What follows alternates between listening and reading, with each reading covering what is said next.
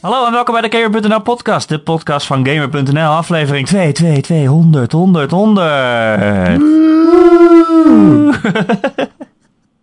Mijn naam is Erik Dusseler, bij mij zoals altijd Ron Forsteman. Hey, geen airhorns, helemaal niks. Meer, meer, meer. 200 is lang, man. Nee, veel. Ja, maar ook lang. Luister ze maar eens achter elkaar, vier jaar lang. Ja, dan ben je al gek voordat Joe weg is. Ja, precies. Zou er iemand zijn die nu alle 200 achter elkaar gaat luisteren? Als een soort eerbetoon? Ik denk het niet, nee. Nee, ik denk het Nee, ik denk het ook niet. hey, maar denk je wel... We hebben nu in januari zitten we op vier jaar. Ja, dat heb ik jou net verteld. Dat klopt. Ja, Ja, vier jaar. Ja, in januari pas. ja. Moeten we vijf jaar ook vieren? Wat voor een jubileum is vijf jaar? Wat is dat? Een houten been. Een houten been. Nou. Nee, maar het is wel lang. En Ja. ehm, iedereen vraagt altijd aan mij hoe ik het met je uithoud. Oh, dat is Maar, helemaal niet eh, waar. Het gaat automatisch. Het is maar een uur per week, hè? Als je het allemaal bij elkaar optelt. Als je nu denkt, oh, ik heb 200 uur van mijn leven tegen Erik gepraat, dan denk je, oh, dat is best wel zonde. Nee, grapje. maar een uurtje Erik, per week, dat valt toch wel mee. Het is heel leuk. We doen het omdat we van games houden. Het gaat Eh, automatisch. Ja, en niet van elkaar, gewoon van games. ik hou ook van jou, dat weet je. Oh, dat hou ik van jou, Ron. Ach, en ik dit- hou van alle luisteraars. Ach, allemaal? Ook die seriemoordenaars? Ja, stel je voor, die gamen misschien ook wel. Luister die wel. Ben jij een seriemoordenaar en luister jij de Gamer.nl podcast? Stuur ons gerust een berichtje. Of Ja. kom in de Discord. Of kom naar mij, bezoek mij thuis.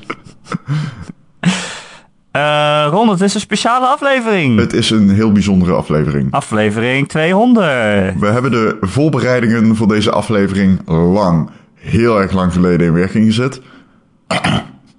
Niet, niet. Ik ben gisteren begonnen. Anyway, het was jouw idee, dus vertel maar wat we gaan doen, Ron. Ehm, we gaan een.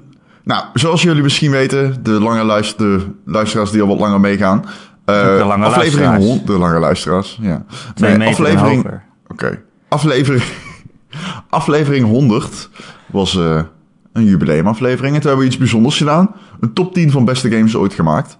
Het was een top 10. Daar kwam ik twee weken later achter toen. Die, eh, waarin ik meerdere games vergeten was. Die ik Ja, mee had ook. genomen in het proces. Ehm, en ik dacht eigenlijk van, het is leuk om weer een top 10 te doen. Maar je kan natuurlijk... eh, in het begin dacht ik, we doen een aantal categorieën. Zo, beste gamepersonage, beste console. En dan geven we iedereen ehm, categorie een, een winnaar. Ehm, maar daarna dacht ik, nou, eigenlijk is het misschien leuker om één categorie eruit te pakken. En daar weer mee de diepte in te gaan. En de keuze is gevallen op een, eh, op een, eh, een top 10 van Erik en mij over onze beste game momenten.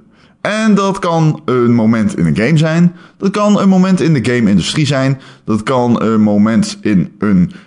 het kan, een herinnering zijn die je hebt aan games. Maar gewoon top 10 momenten binnen gaming. Ehm, dus eh, ja, die hebben we gemaakt. En eh, ik ben heel. We weten dus natuurlijk niet van elkaar wat, wat we hebben. Ik denk wel, Erik, dat wij allebei één moment, want ik ken je natuurlijk een beetje, erin hebben staan. Maar dat gaan we zien. En ehm, ja, ik ben heel erg benieuwd. Ik ehm, moet voor mezelf zeggen, je gaat dadelijk veel namen van mensen horen. Ehm, ik ben het iets minder nu, maar zeker vroeger was ik echt een sociale gamer. Ik vind het heel erg leuk om met andere mensen te gamen. Ook singleplayer games in de voice chat en dergelijke. En dan zijn die momenten eigenlijk niet meer los te koppelen van eh, met wie ik ze heb beleefd. Eh, en dat is een beetje.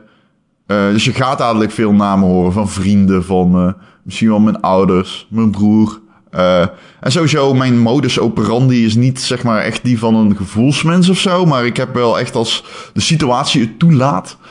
En het moment juist is, kan ik dan weer heel erg emotioneel zijn, wat dan weer heel raar is. Dus ik spring echt naar het uiterste in het emotionele spectrum in de meest rare situaties.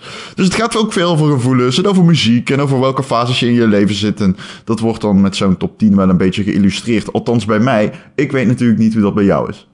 Ik heb voor mijn gevoel echt een verzameling van tien willekeurige momenten. Ja, dat, dat heb ik ook wel. Het is heel moeilijk om ze op eh, een, rangorde te ge- te ge- een rangorde te geven. Dat is heel moeilijk. Omdat je natuurlijk niet echt kan zeggen dat één moment belangrijker is dan het andere. Ik heb wel geprobeerd een beetje op te letten. Want wat voor, in, wat voor impact heeft dit nou precies gehad, zeg maar. Ehm, ja. Ik denk als ik hem morgen weer zou maken, dat er tien heel andere dingen in zouden staan. Ja, ik heb dingen weggesneden met zoveel pijn en moeite. Dat wel. Eh, zullen we maar gewoon beginnen? Ja, is goed. Wil jij beginnen? Zal ik beginnen? Eh, zal ik beginnen? Ik heb het idee dat ik jou altijd laat beginnen met top 10. Ik wil wel beginnen. Dan houden we het stramien oké. aan. Prima. Ja? Ik ben zo beleefd. Nou ja, wat jij wilt. Begin maar om. Oké. De top Ehm, 10 allerbeste game momenten uit ons leven. Ja, of momenten over games, want dit valt binnen het laatste. Oh. Ehm 10, 10, 10, 10, 10, 10. Oh, gaan we dit weer doen? Ja, ja, zeker. zeker. anekdote. Het is een anekdote. Het is, een moment is het kopen van mijn eerste console. En dat was een Xbox. Dat was mijn Wow. allereerste console. Ja. Echt? Ja. Oh, je eigen eh, console? Ja, op draagbare consoles, zoals de Game Boy, eh, na. En eh, PC's, en ik heb ook veel PC's gehad. eh, was dat mijn eerste console en niet die van mijn broer. Mijn broer, de PlayStation was van de broer, van mijn broer. Ik had een, eh, ehm, oh jezus, hoe heet dat nou weer? Zo'n 2600. Eh, Atari. Atari van, van mijn vader. Met zijn grote, hè, met zo'n joystick met drie van die rode knoppen op de voorkant en een grote rode knop bovenop de joystick. Eh, maar Heb ja, ik ook. eh, hè? Oh, oké. Ga maar door. Is het een penisreferentie, Erik? Refereer je naar, refereer je naar een penis? Wat goed van je. Ik ben heel trots op je. Heel goed. Nou, Ga verder. ik hoop dat we dit niveau gedurende deze top 10 kunnen aanhouden. Maar oké. Ehm, wat is dit nou? Echt dramatisch. Op de Xbox dus. Ehm, nee, ik heb een Xbox gekocht. Ik zat volgens mij in het eerste van de HAVO. Dat weet ik niet zeker, maar volgens mij. Ehm, en ik wilde eigenlijk een Gamecube. Vanwege Super Smash. Ik vond dat concept toen gewoon heel erg cool. Van Nintendo characters die tegen elkaar aan het vechten waren. Alleen de Power Unlimited had een actie. Nou, die was niet alleen van de PU volgens mij, maar die kon je overal een beetje krijgen. Waardoor je, als je naar ehm, de winkel ging, kon je volgens mij Amped of Apes Odyssey of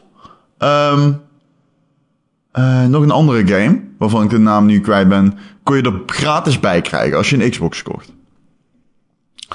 Ehm, en dat, eh, dat, met dat in het achterhoofd ging ik dus naar de winkel om een Gamecube te kopen.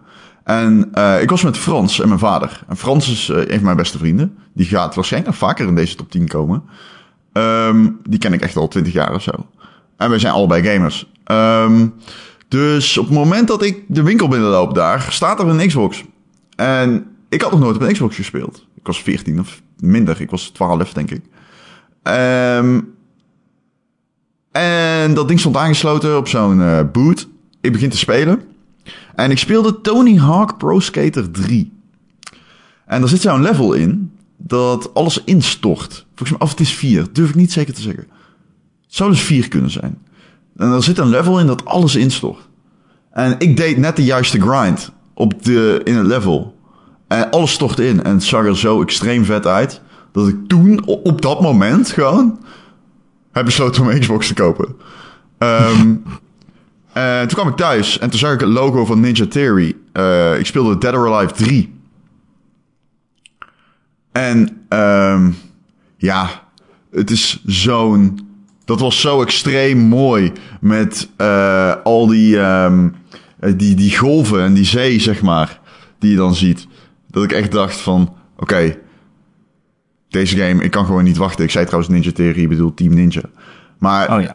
Ehm, ja, dat ik echt dacht van wow, oké, dit ik kan niet wachten om deze shit te spelen. En dat heb ik toen de hele dag gedaan met Frans. En dat specifieke moment dat dat eh, Team Ninja logo in beeld komt. En dat je dan die echt die high fidelity graphics ziet. Die je zeg maar van de PlayStation nooit gewend bent.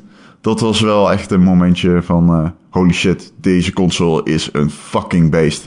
Eh, indirect heeft, als ik die console nooit gekocht had, was ik ook nooit zo actief ben geweest binnen gaming. Maar er zijn ook nog andere men, men- momenten beslissend geweest daarvoor. Dus eh, vandaar dat hij bij mij in de top 10 staat. Leuk man. Een Ja. Xbox. Ja. Ik heb geloof ik eh, een heel andere top 10 dan jij. ik heb alles al redelijk naar game momenten terug, eh, teruggefabriceerd. Maar dat maakt niet zoveel uit. Nee, maar ik ben wel heel benieuwd. Ja, bij mij op nummer 10 Tien, van de beste game momenten ooit staat namelijk het, het doortrekken van de wc in Leisure Suit Larry. Oké. De eerste. Eh, en dat klinkt raar, maar het is een heel verhaal. Want voor mij is de eerste Leisure Suit Larry, daar zitten heel veel herinneringen aan. Ik was natuurlijk heel jong. Ik weet niet eens hoe jong. Ik denk wel echt tien of zo. Eh, het is helemaal geen game die geschikt is voor een tienjarige. Aangezien Nee. eh, het een adventure game is waarin je de loser Larry speelt die probeert met vrouwen naar bed te gaan. Ehm, ja, er zitten heel veel herinneringen aan die game. Mijn vader vertelde laatst nog dat eh, ja, hij wilde wel een beetje betrokken zijn bij onze hobby's. Dus dan keek hij mee als we af en toe van wat we nou aan het spelen waren. En eh, wou hij ook meekijken met Larry. Dus dan heb ik waarschijnlijk net een stukje laten zien waarin het niet heel smerig was. En toen dacht hij, oké, prima, grappig spelletje. En dat ik daarna weer verder speelde om condooms te kopen om met de hoeren naar bed te gaan. Zoals je doet in dat spel. Ja. Ehm, en het is ook een game waarin ik eigenlijk eh, Engels heb geleerd. Of mezelf heb geleerd. Omdat je eh, in die tijd nog adventure games kon je niet klikken op wat je wilde doen. Maar moest je het intypen. Ja. Eh, dus je kon pas de puzzels oplossen als je wist wat het Engelse woord ervoor was. Eh, en zo heb ik mezelf een beetje Engels geleerd. Eh, maar hoe ik kom bij het doortrekken van de wc is... dat Ja. natuurlijk niet weten, beste luisteraar.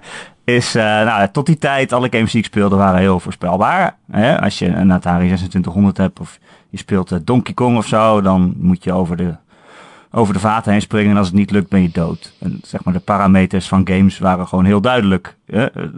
Eh, Het doel is duidelijk en wat je moet doen is duidelijk. En als het mislukt is het afgelopen.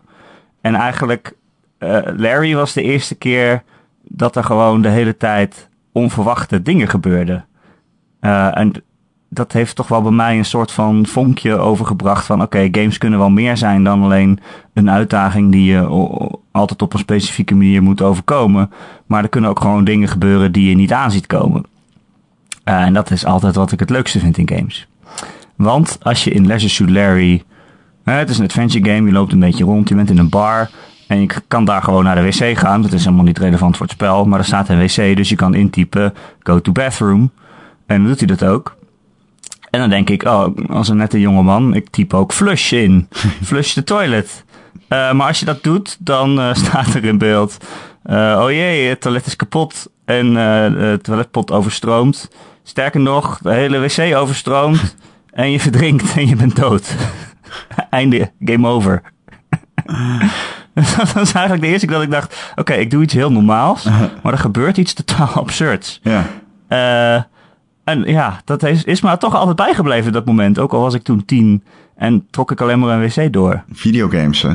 Videogames zijn raar. Ja, videogames zijn fucking raar, gast. Dus nu heb ik geleerd om nooit de wc door te trekken. Nee, precies. Want voor je het weet verdrink je. Nee, absoluut. Je moet je poep gewoon weggooien. ja, in een, in een plastic zakje. Ja, gewoon in de prullenbak. Ja, In de precies. keuken. En dan ni- niet aan iemand vertellen dat je dat doet. Nee, niet op een podcast. Ha, podcast. Nou. Oké, jij bent weer. 9, 9, 9, 9, 9, 9, 9.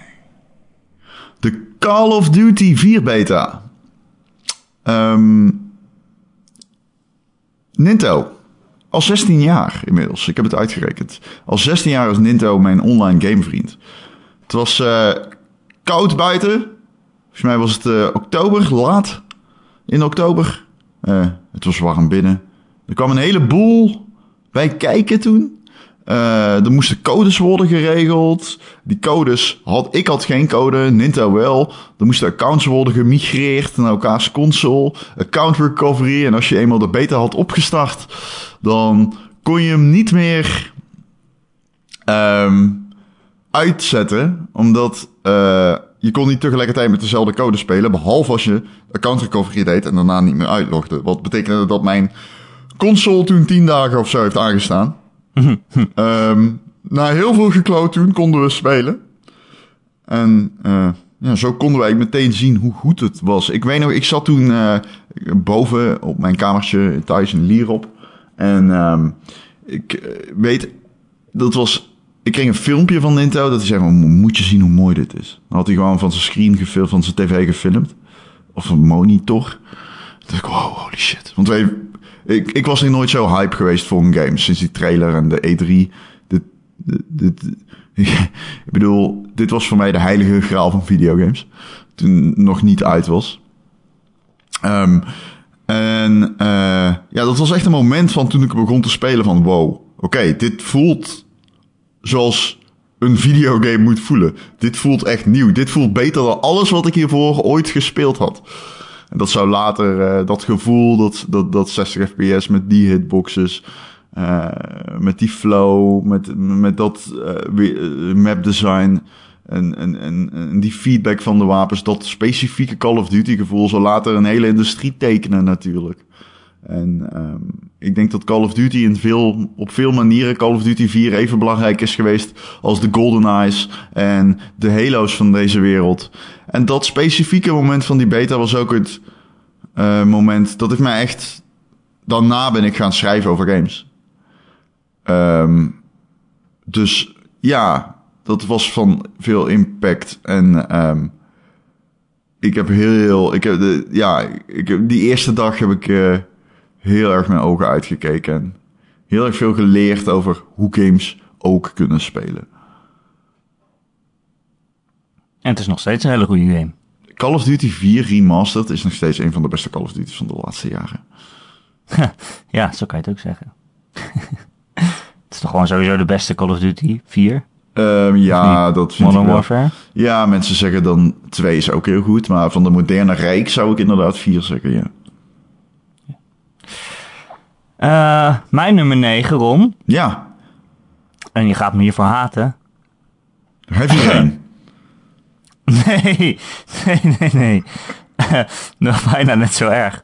Is het einde van uh, Assassin's Creed 2. Ja, dat, dat haat, ja, nu haat ik je echt, ja. Dat is echt mogelijk kut einde gewoon. Maar oké. Okay. Ik vind dat zo'n heerlijk einde. En ik weet nog precies waar ik was toen ik het speelde. Namelijk in het allerkleinste studentenkamertje dat je ooit hebt gezien. Dit was 8 vierkante meter. Paste net een tweepersoons bed in. Ik weet niet waarom ik per se een tweepersoons bed wilde in zo'n kleine kamer. Had je Lara nog niet? Jawel. Maar ik heb gewoon de ruimte nodig als ik slaap, Ron. Ja, lig jij horizontaal? Al mijn ledematen gaan alle kanten op. Is dat echt zo? Nee, dat is niet zo. Wel, hè? ik vind dat gewoon lekker. Of heb jij één um, matras nodig voor je rode joystick? Ik heb één uh, matras nodig voor mijn alter ego. Vogelman. Oh, veel. ja, hou maar op. Over Vogelman. um, nee, ja. Assassin's Creed 2. Ik dacht, ik ben gewoon een leuk uh, spelletje aan het spelen. Uh, over geschiedenis. En, en het einde van Assassin's Creed 2 is echt bizar. Je moet een, een vuistgevecht houden met de paus. Om... dat klopt om, in uh, de kluis van het Vaticaan te komen of zo. En als je daar dan komt, uh, gebeurt er echt iets totaal mindfuckerigs. Namelijk dat, hè, jij speelt al de hele game als Ezio. En je vindt daar ja, berichten van, van aliens. nou, was het niet zo'n verrassing dat aliens in de game zaten, want dat, dat gaf het einde van Assassin's Creed 1 ook al weg. Maar het ik vond het gewoon zo'n mindfuck dat die aliens recht in de camera gingen praten. Dat soort dingen zijn altijd mijn nachtmerrie. Dat je tv aan het kijken bent en dat iemand ineens door het scherm heen tegen jou praat. Uh, daarom vond ik uh, Neverending Story ook zo eng. Ja, het is fucking creepy dat iemand in een boek ineens praat tegen degene die het leest. Maar goed, dat maakt niet uit. Uh, maar dat gebeurde dus in Assassin's Creed 2. Die aliens die kijken recht in de camera en die praten eigenlijk, eigenlijk tegen jou. Spoilers. En dan blijkt, ja, spoilers voor Assassin's Creed 2 inderdaad. En dan blijkt dus dat die Ezio zijn hele avontuur eigenlijk alleen maar heeft beleefd... zodat iemand die hem bestuurt, 300 jaar in de toekomst, dat bericht kan lezen. En dat vind ik zo zielig voor Ezio. die, die denkt echt dat hij een soort van wereldveranderende quest eh, heeft en, iets heel belangrijks aan het doen is. En dan komt hij bij het einde daarvan en dan loopt het gewoon af. En hij kan niks met die boodschap. Hij snapt er ook geen ene reet van. En dan is zijn missie gewoon afgelopen. En, en hij kan verder niks. Dat vind ik zo zielig. En ja, ik vond het gewoon super creepy. En dat is me altijd bijgebleven. En ik hou van dat soort. Ik hou gewoon van dat soort domme eindes. Die gewoon een super grote twist bevatten. Maar je weet waarom Zal, ik het een kut eh, einde vind, denk ik, of niet? Waarom vind jij het een kut einde? Omdat wat jij nu uitlegt totaal niet duidelijk wordt uit het einde. Niet in Jawel, eerste ik instantie. vond het wel duidelijk. Nou, je moet wel echt een beetje googlen daarna. Om te kunnen bevatten wat die twist inhoudt. Ja. Nou, En- ja? Ja, Nou, dat ik vond ik het wel. re- ik vond het wel redelijk duidelijk. Ik, niet, alle, niet alle details, zoals het hele van... Oké, wat voor ramp gaat er nou eigenlijk gebeuren met de zon? Dat was een beetje vaag. Maar dat die aliens het tegen jou hadden en zo... dat vond ik toch wel best wel impactvol. Bovendien vind ik het altijd wel fijn als je een game hebt uitgespeeld... en denkt, what the fuck? En dan meteen wil googlen en wil discussies wil lezen... Ja, dat eh, zeker. over wat er Da- daar ben ik extreem van, ja, zelfs. Dat kenmerkt een goed verhaal. Maar minder als je zoiets hebt van, huh? Wat? Wat? wat? Niet als het echt uit het niets komt. En dat kwam het voor mij. Ja, het kwam vreemd. wel uit het niets, maar ik begreep het wel, de, de grote lijnen. En toen gewoon het moment dat die, dat die alien het scherm inpraat, zat ik echt zo van, oh fuck. Ja, volgens mij is, heb jij gewoon trauma's creepy. opgelopen door Neverending Story. En Ja, ik denk het eigenlijk ook. En elke keer als zoiets gebeurt, dan, dat, dat haakt zich gewoon vast in mijn hersenen. ja, precies. Oké. Ja, Nou, eigenlijk is het de Neverending Story schuld. Ja, Kutboek. kutboek. Nee, die kuthond. Dat is pas een vliegende leermuishond. Hè? Atreyu.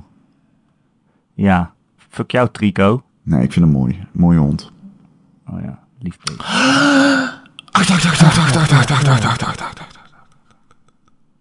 Het uitspelen van Teenage Mutant Ninja Turtles op de Game Boy. Teenage Mutant Ninja Turtles. Ik was vroeger fan van TMNT. Sterker nog, ik heb een eh, boek. Dit is echt heel grappig. Of ja, heel grappig. Dat valt eigenlijk ook wel mee. Maar ik zat in, het, eh, in groep 2 op de basisschool in Lierop. Ik, eh, onder juffrouw Erika. En ehm ik, iedereen kreeg een, moest een boekje maken met wat ze later wilden worden. En ja. En jij zei Ik kan me nog herinneren dat. Nee, ik kan me nog herinneren dat, eh, dat ze op mij inpraten van kun je niks anders kiezen. Maar nee, want ik wilde echt Teenage Mutant Ninja Turtle worden. Dus heel mijn boek ging over Teenage Mutant Ninja Turtle. Ehm, Teenage Mutant Ninja Turtle op de Game Boy. Ik was op vakantie in Hongarije. We zaten, eh, ik was er al de hele vakantie mee bezig om hem te spelen. We zaten in volgens mij een restaurant tegenover de camping. Ja, dat weet ik nog wel. En ehm, het was de eerste game die ik eh, uitspeelde daar op dat moment. En Het was best wel een moeilijke game. Dus dat is ook wel grappig, weet je wel, dat je dan vroeger waren games veel moeilijker dan nu eigenlijk. Ook omdat, Ja, je, het is echt bizar. omdat je veel minder dingen meekreeg. Als hulpmiddelen en tutorial, tutorials en zo. Eh, het was vaak ook zoek maar uit. En de save systemen waren gruesome. Maar ehm, volgens mij werkten veel games toen nog met codes zelfs. Dat je codes moest invoeren om te kunnen verder spelen waar je was. Ja, die hel. ja, weet je dat nog? Jezus. Ja, er waren ook echt heel veel letters en cijfers. ja. En, en moest je dat allemaal opschrijven. Ja, bizar eigenlijk. Ehm, maar goed, het was de eerste game die ik uitspeelde in dat restaurant. En ik weet nog dat ik echt dacht... Dus toen stond er game over. En ik echt tegen mijn vader zei... Wat is dit? Wat is dit nou weer? Hoezo game over? Ik ben helemaal niet dood gegaan. Want ze is bevrijd. En toen zei mijn vader tegen mij... Game over betekent dat het spel over is. En dat was mijn uitleg over wat game over betekende. Een scherm dat ik toen in die game al honderden keren had gezien. Maar eh, nooit in de juiste context had geplaatst. Dus dat is wel een mooie herinnering voor mij. En eh, daarom vond ik ook wel dat hij erin moest. Was het ook dat je dan dacht van... Nou, een spel kan ook uit zijn. Ik had Ja. er eigenlijk nooit over nagedacht. Ehm, nou, ik weet niet. Volgens mij was ik wel aan het spelen met de intentie om hem uit te spelen. En juist daardoor was ik zo te verbaasd dat er game over stond. Het voelde echt zo alsof het niet moest. Af, alsof ik iets fout had gedaan. Zo moet ik het zeggen. Alsof ik iets fout had gedaan. Alsof ik af was. Want de game over kwam er ook te staan als je daadwerkelijk game over was. Ja, precies. Oh, je dacht dat... Oh, ik heb er bevrijd. Dat moest Ja. niet. Nou ja, ik, ik wist wel dat dat moest, maar ik had het gevoel dat ik alsnog iets fout had gedaan. of zo, ja. Dus toen kreeg ik die uitleg van mijn vader. Game over betekent dat het spel over is. Nou, Oh, en toen moest je huilen. nee, ik moest niet huilen. Oh. Nee. nee. Eh, mijn nummer 8. Acht. 8. Is het vinden van een Tyrannosaurus Rex in Tomb Raider. Ja. Dat is een mooi moment. Dat is een mooi moment. dat is toch een In de prachtig allereerste. Tomb Raider. In de allereerste Tomb Raider. Het was niet eens maar echt makkelijk. Je moest echt in een paar gangetjes helemaal naar achteren lopen. Het was ook niet verplicht. En je hoeft hem ook niet verplicht dood te maken. Ik weet ook niet eens of het mij dat gelukt was toen. Want het was echt wel heel moeilijk. Je moest eh, echt eh, bijna oneindig veel kogels in dat beest Ja. pompen. En Ik heb het je nog even pistols. teruggekeken, teruggekeken net. Ik weet niet of dat mij dat ooit gelukt is, maar het vinden van een T-Rex in een in zo'n spel waarvan je denkt, oh, dit is toch gewoon in de echte wereld. Of althans de bedoeling. Dat was best wel raar. En ik denk eigenlijk eh, de eerste keer dat ik echt zo'n groot geheim in een game echt ontdekte, zeg maar. Eh, wij hadden Tomb Raider omdat het we kregen een nieuwe PC thuis en eh, we mochten allemaal een game kiezen om daarbij te krijgen. Ik koos eh, Team Hospital trouwens. Een hele goede keuze. Maar mijn vader had dus Tomb Raider gekozen. Die mocht ook kiezen, ja, jazeker. Eh en zelf is mijn vader nooit verder gekomen dan eh, de tutorial in, in Lara's Mansion. Croft Mansion. Nee, Croft Manor is het. Dan Ja, kon je Croft zo in zo'n speeltuin eh, rondrennen en dan leerde je springen en zo. Dat vond hij heel leuk. I don't know. Hij wou geen dingen schieten, denk ik. En ik snap het wel, want als je die game begint, dan loop je in een soort ijzeren gang en dan vliegt er uit het niets allemaal vleermuizen op je af. Wat super creepy is. Ehm, maar ja, het, vinden van die T-Rex, dat is weer zo'n moment dat je denkt, oh wauw, dit verwacht ik helemaal niet. Ik loop gewoon, ik, ik zie een gangetje en ik denk, nou hier moet ik niet heen, maar ik ga toch even zoeken. Eh, en je vindt gewoon iets wat eh, op dat moment eh, niet alle spelers zullen vinden, maar wat jij wel ziet. En ja, dat voelt best wel speciaal. Ja. Eh, en dat is ook weer zo'n mooi ding in games. Dat je gewoon, ja, echt het gevoel van ontdekking. En van, wauw, ik ben de eerste die dit ziet. Ja, dat is Het internet heeft hier veel aan afgedaan, aan dit Ja, soort dat is momenten. inderdaad, dat is Als je inderdaad nu jammer. Reddit, al die dingen die je nu allemaal tegen kan komen in die game, want dat, ja, inmiddels denk ik wel dat ik kan zeggen dat er gewoon heel veel easter eggs in die game zitten. Ehm, maar ja, die worden allemaal gespoild op social media en ja. Ja. Ja, en toen, ja, dat was echt dat gevoel dat je in je eentje achter een pc zat en een geheim vond. En dan, kon je echt denken, dat heeft ook met de leeftijd te maken waarschijnlijk, maar dan kon je echt denken, wow, misschien ben ik wel de eerste die dit ziet. Dit is geheim en ik heb iets gevonden. Eh, maar ja, als je dat nu gaat googlen inderdaad, dan zie je dat al 10.000 mensen dat al voor je hebben gezien.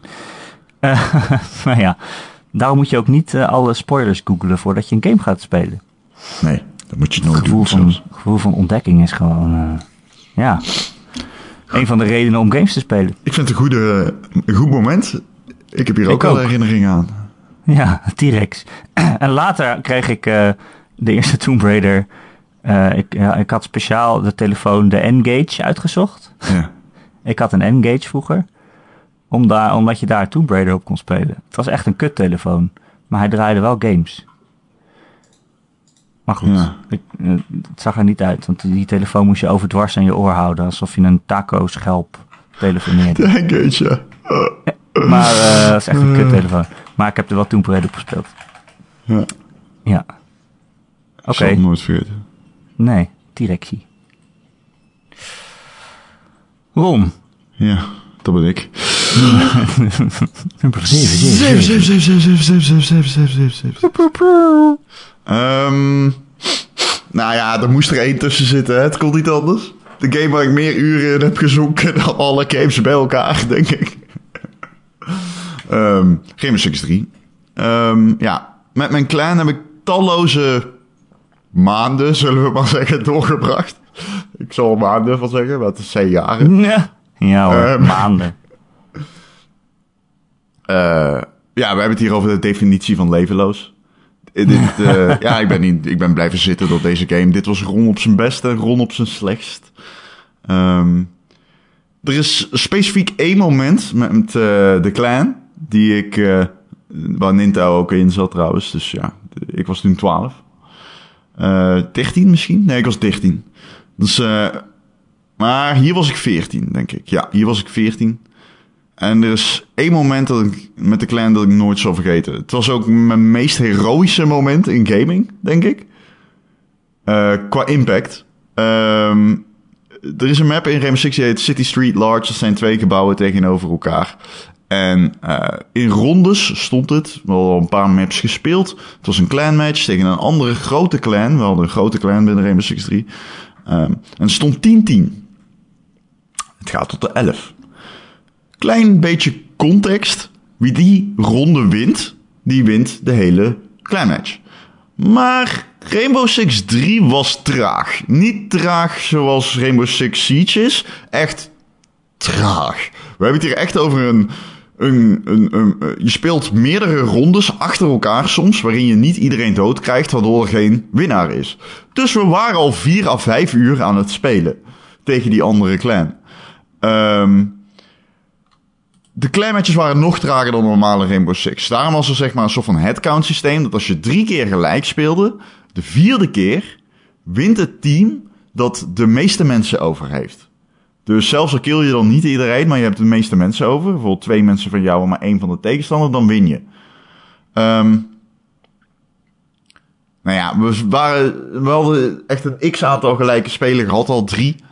En eh, dus het werd, eh het werd eh headcount. De, ik was in mijn eentje over tegen twee anderen. Wat betekent dat als ik niks, niemand zou killen, dan was het gewoon helemaal afgelopen. En dan hadden we echt vijf uur lang van Jan Lul gespeeld.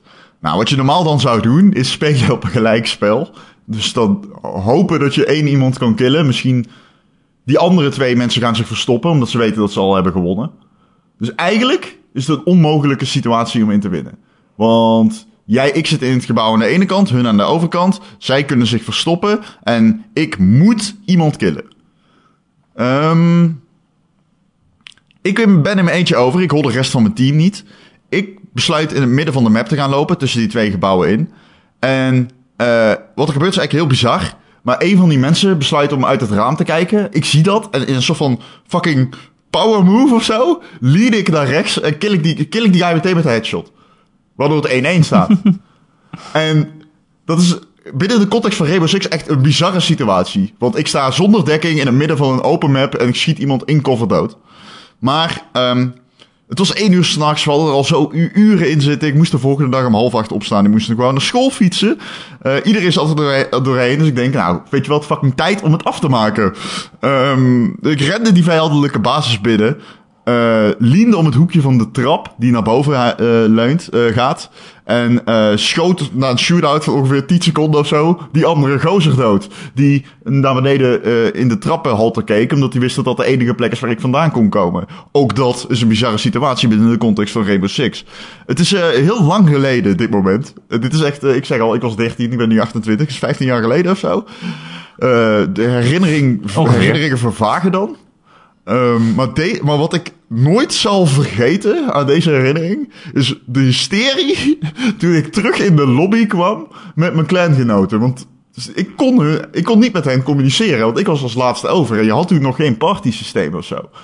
Ehm, dus ik kwam terug in, naar de, in de lobby naar die overwinning. En mensen werden fucking gek. Ik heb het hier echt over mensen die gewoon om half één straks echt gewoon ja, op het hardst van hun kunnen aan het schreeuwen was, waren eh, Aldo, hoe haal je het in je hoofd? Aldo, jij legende. Aldo, you absolute madman. Eh, ik mijn nickname was Aldo. Eh, het is een moment van niets, natuurlijk. Ehm, maar het is een moment dat ik nooit zal vergeten. Omdat het ja, zoveel impact maakte toen op mij als 13-jarige. Games kunnen je heroïs doen voelen. En ja, ik heb altijd die vol liefde gehad voor online games waarin je die momenten, momenten kan ervaren. Leuk. Jij bent ook een held, Ron. Nou, Ik wil graag dat podcast jou ook als een held kunnen laten voelen. ja, wie weet het. Eh, mijn nummer 7. 7, 7, psiu, psiu. Is, eh, ja, ik weet niet zo goed hoe ik het moet zeggen, maar ja, het, het moment dat, dat VR klikte voor mij. Eh, en dat komt ook omdat ik nu best wel open high zit met VR. Ik heb net eh, Tetris Effect gespeeld. En eh, Astrobot. Eh, ja, ik vind VR nu gewoon heel erg cool. Ja. Maar ja, het is moeilijk om het moment echt vast te pinnen. Maar ik denk dat het Robo Recall was. Op de Oculus Rift. Wat was dat, Ron? Hè? Wat was dat? Ik deed... Verbaasd? Oh. Kijk, ik had al wel een PlayStation VR. Die had ik bij de launch gekocht. En ik vond het een leuk ding. Eh, en je kon er best wel leuke dingen op doen. Super Hypercube vond ik heel leuk. Een beetje, eh, hoe heette dat schietspel met die mechs ook alweer, Ron? Eh, Oeh, weet ik niet. Oh, ehm Riggs. Ja, Riggs vond ik wel aardig. Het was leuk. Het was leuk in, VR om op een nieuwe manier games te spelen. Maar ik was ook weer niet super ondersteboven ervan of zo. En toen heb ik later een Oculus Rift gekocht. En dat heeft het toch wel een beetje veranderd eigenlijk. Eh, en met name om, ja, gewoon de manier waarop je ook de ruimte gebruikt in, in, eh, in gaming. En ik denk dat dat komt door Robo Recall die game begint best wel rustig met een tutorial van wat je allemaal kan doen. Je kan robots vastpakken, maar dan moet je dus je hand uitsteken. hè. Je hebt van die motion controllers in je hand. Dat is al best wel cool. Maar gewoon het moment dat die robots op je beginnen te schieten en je ziet die, die kogels vliegen en je denkt, oh, ik kan er ook eh, onderdoor bukken. En dat kan ook echt. Als je gewoon bukt, dan ja, buk je in het spel ook. En dan word je niet geraakt door die kogels. En dat vond ik zo vet dat je ook gewoon, ja, je, je lichaam in het spel gebruikt. En dat Ja. is voor mij echt de, de toekomst van VR. En waarmee het zoveel verschilt van gewone games, is dat je echt in die wereld bent. En dat komt echt Ja. meer tot, tot uiting als je ook echt kan bewegen. Ik weet niet of Ja. dat moment eerst was of het moment in, in eh, Lone Echo of in Echo Arena. Was ik met Harry aan het spelen, onze collega van eh, Gamer.nl. En ik was, ja, je vliegt dan in, in een soort van eh, gewichtsloze ruimte gewoon. Dus je bent gewoon aan het zweven. En ik was Ja. de hele tijd aan het bijsturen om maar de goede kant op te blijven kijken. En dat zei ik tegen Harry van, jee, hoe, hoe vlieg jij zo snel heen en weer als je eigenlijk steeds de verkeerde kant op kijkt? En toen zei hij, hoezo moet je bijsturen? Je kan je toch ook gewoon omdraaien? En toen deed ik dat. En toen dacht ik, oh ja. ik moest, ja, je kan je gewoon fysiek omdraaien en achter je kijken en dan gewoon die kant op vliegen. Eh, dan vergeet je wel welke kant je voorkant is. Of zeg maar hoe, je begon met staan. En dat is soms irritant omdat die kabel nog aan je vast zit. Eh, maar dat, ja, dat was ook zo'n moment dat ik dacht, oh ja, wauw, dat VR, dat, ja, het plaatst je echt in die wereld, welke kant je ook op kijkt. En hoe je ook bukt of hoe je je lichaam ook beweegt. En ja, dat, daar werd ik gewoon heel erg eh hyped van voor VR. Ja. Nee, ik heb ook wel zo'n herinnering. Ik had een artikel geschreven over Kijk. Eh, Kijk, het magazine, wetenschappelijk magazine. Ehm, Voorkijk of over. nee, voor Kijk, sorry. Over VR, voor Kijk. En toen was VR echt nog een mm, soort van... Ik had Paul Malocki geïnterviewd. En eh, hij was toen nog niet zeg maar, het uithangbord van VR zoals het nu is. Maar hij had wel die Oculus gekickstart. En dat was een best lang artikel. En daarna ging ik naar de Gamescom. En toen ontmoette ik Paul Malocki, zeg maar. Want ik had het via de mail geïnterviewd, het interview gedaan. Daarna ontmoette ik hem in het echt. En toen gaf hij mij een demo van de Oculus. En toen speelde ik die domme game. Met die platformer. Met die, Lucky Steel. Ja, Lucky Steel. en, Ook wel eh, een leuk spelletje trouwens. ja, ik heb hem nooit gespeeld. Eh, toen wel, maar niet eh, de hele game. Het leek mij een beetje zo'n domme mascotte-platformer, die indruk wekte. Ja, is ook wel. In ieder geval, ja, ja. In ieder geval, eh, dat, toen kwam ik inderdaad achter. Toen zei hij, je, je kunt naar voren leunen en dan kun je om die pilaar heen kijken. En ik weet echt dat specifieke moment was ook zo van, wow, holy shit, Ja. dit verandert alles. Ik vergelijk het altijd met de eerste keer dat je tv kijkt. Zo moet Ja, het een beetje zijn. Ja. Ja. Ja, cool. Ik ben nu gewoon heel blij met de VR. Zelfs met de PSVR, ook al heeft hij dus minder dat element dat je echt... Je, je kan je niet omdraaien met een PlayStation VR, maar... ja, ja, de manier waarop Kan je wel. in een wereld plaatst. Toch? Ja, het kan wel, maar dan nee, want je hebt geen camera achter je. Ja, je kan wel een beetje naar achter kijken, maar je kan niet helemaal omdraaien als het ware. er zitten wel strips op de achterkant die als het goed is detecteren dat jij je omdraait. Dus het kan wel. Ja, maar je, je, ah, je handen kun je niet achter je gebruiken. Nee, Dan ziet de camera je eh, move niet meer. nee. Maar je kan wel kijken, ja. Nee, dat zeker. Wel, oké. Okay. Rom. Ja. Nummer 6, 6. Nummer 6, 6, Buzz, met het hele gezin. Ik uh, ben een groot fan van Buzz, de quizgame. Ik hou heel Bestaat erg niet van... Meer. Bestaat niet meer, nee. Jammer. Ik hou heel erg van quizgames. Eh... Uh, ik vind het leuk om eh, met algemene kennis te pochen. Ook. Ehm, ja, en eh, de, de momenten dat we met het hele gezin op de PlayStation 3, want ik had die controllers gekregen van Gamer, anders had ik nooit bus ge- gespeeld. Eh, dat we dat gingen spelen was echt altijd, ja, dat was, dat was, ik hou niet van gezelschapsspellen. Ik hou niet van Hotel Monopoly, al die onzin vind ik verschrikkelijk. Maar eh, ja, laatst ben ik dus begonnen weer aan andere gezelschapsspellen zoals Bloodborne, wat ik dan wel heel erg leuk vind.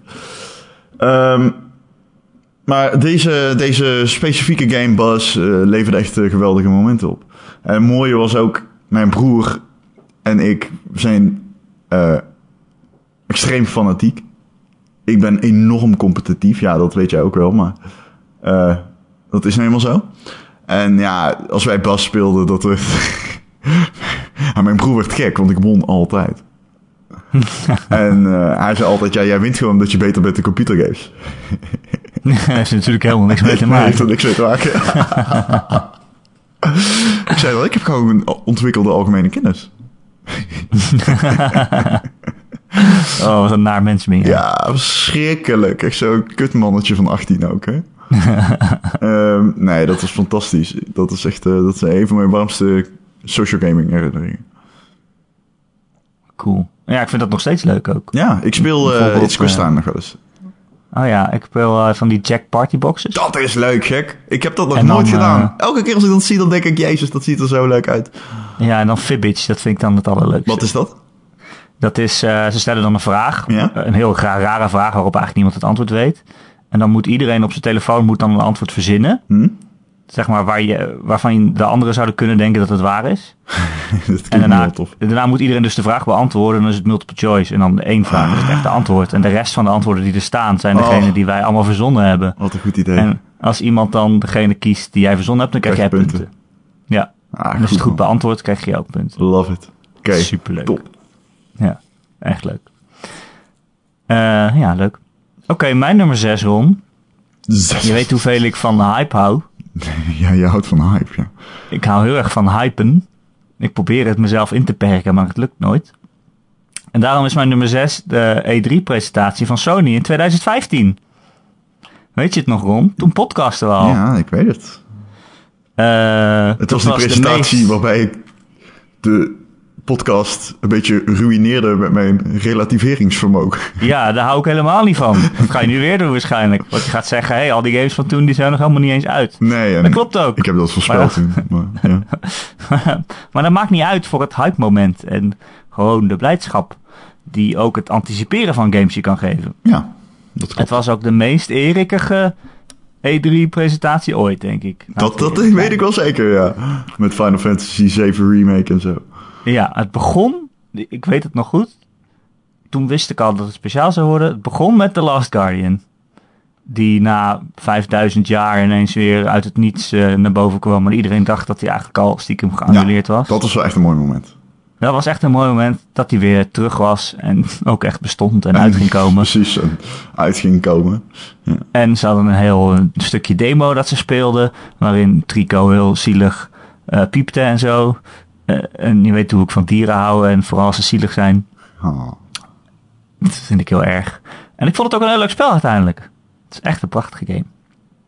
Eh, het was inderdaad de E3 persconferentie waarin de remake van Final Fantasy VII werd aangekondigd.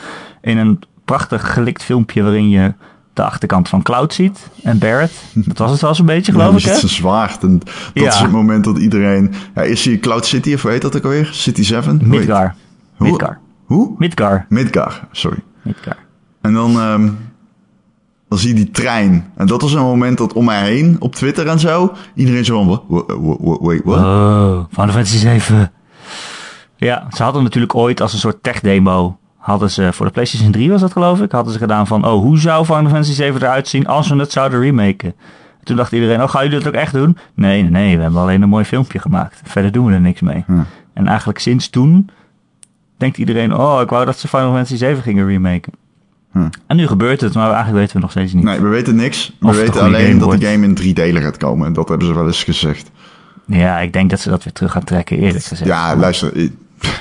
Misschien wordt dit wel gewoon een wielrengame. Je weet het niet. Je weet het fucking niet. Het is fucking er zat wel Square Enix. snowboarden in. Het is Square Enix. En een motor. Motorrijden. Ik bedoel, ik was laatst een podcast aan het luisteren en daarin zeiden ze het heel treffend. Die zeiden, ik weet niet meer welke het was, Game Informer volgens mij. Maar die zeiden, het is Square Enix, dus je weet het nooit. Ik bedoel, ze cancelen Hitman en ontwikkelen The Quiet Man. Nou, The Quiet Man is wel echt een goede game. ik had die bijna, die staat eigenlijk op nummer 11, denk ik. Van, ik had hem er bijna ingezet. Het moment waarop je beseft wie nou precies Vogelman is. Nee, dat, dat- nee, het moment dat je beseft dat je zelf vogelman bent. Ook, maar ook je vader politieman. Ja, nou ja, daar kom je, je komt er pas achter dat politieman je vader is als je de geheime footage kijkt. Dat weet ik nog niet. Ik ga hem nog met geluid spelen. Dit zouden we volgende week eh, over verder gaan. Ja, we moeten hier En die- volgende, volgende week wordt een hevige podcast, want ik heb ook echt super veel games gespeeld. Dus. Voor de cast. Ehm, en en eh, Shenmue 3 werd, eh, Oh, ja, Shenmue. werd daar onthuld in 2015. Ook nog niet uit. Onthuld Nou, is een groot woord. Ja, Het werd aangekondigd dat er een Kickstarter kwam. Ja. Gesponsord door Sony. Ja. En eh, Horizon. Moeten we ook niet vergeten. Niet Die werd daar ook eh, uit de doeken gedaan. Ja. Eh, en dat zag er toen ook al heel cool uit. Nou, nou, dat is geen... Dat was ook een hele goede game. Dat was een goede game. Het was een goede open wereld game die pas heel laat richting een twist toewerkte. Die ik, van, die ik heel belangrijk vond voor hoe leuk ik die game vond. Ja. Eh, ja, dus eigenlijk de helft van de van die E3 2015 was daadwerkelijk een goede game. Ja. En de rest is een soort Zoals potentie een leuke belofte. Nou ja, Shenmue 3, als je de trailer ziet, dan denk je, dat kan, dat kan niet goed worden. Dat kan, dat- dit kan. Ja, je denkt ook echt letterlijk als je nu Shenmue 3 ziet en je ziet die gezichtsanimaties van nee, nee, nee, nee, nee, nee, nee, nee, nee, nee, nee, nee, don't do it, don't do it, stop, nope, nope, nope, nope.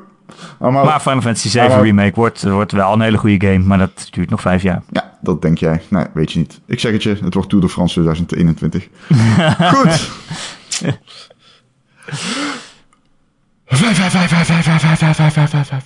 Nou, we zijn al halverwege. We zijn pas een uur bezig. Mhm. Dat is leuk. hey, het is een game die ik niet... Net als Guild Wars, trouwens had ik Guitar Hero 2 niet in mijn top 10 staan. In mijn top 10 van beste games ooit. Wat een schande is. Want dan hoort hij zo hard in thuis. Dat is ongelooflijk. Daarom Maar je mag hij- niet meer met eh, terugwerkende kracht eh, je lijst Nee, veranderen. dat mag niet. bang. Nee, daarom. Dus het is, hij staat niet in mijn top 10. Maar hij stond er wel niet in. Mijn eerste Guitar Hero 2 sessie met Frans is mijn... nee, ik denk zonder Frans. Solo. Want dat is een moment dat ik nooit zal vergeten. Het is... Kijk, ik weet nog dat ik niet wist hoe een gitaar werkte. Toen ik Guitar Hero 2 ging spelen. ja, daarna wist je het nog steeds niet, denk ik. En wel, ik speel gitaar nu. Maar Oh. Ja. Alleen, ehm,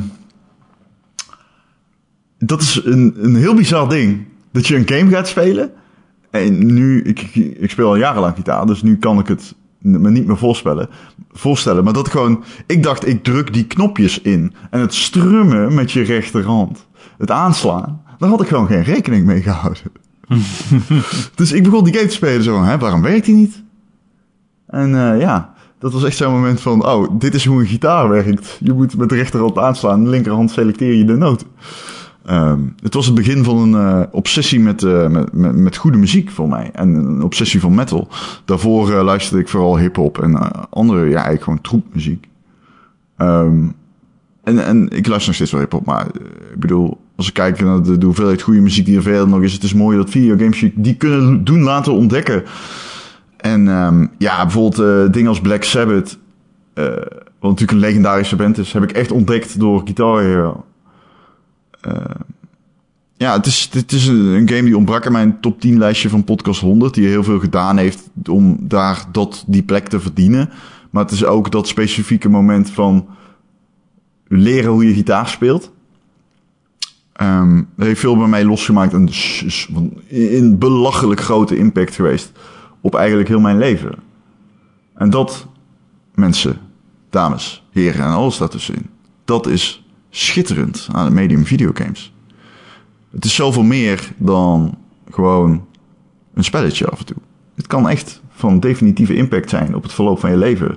Door die ene domme aankoop te doen met een plastic gitaar. Waar je hele vriendengroep van zegt. What the fuck ben je aan het doen, Ron Vostermans? maar het is soms belangrijk om door te zetten.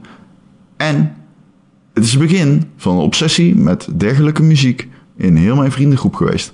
Want skip to een jaar later, skip to twee jaar later, stonden wij allemaal Guitar Hero te spelen. Ik, dubbele panels, rockband, Guitar Hero Metallica, echt, ik heb het allemaal gespeeld. Intens van genoten.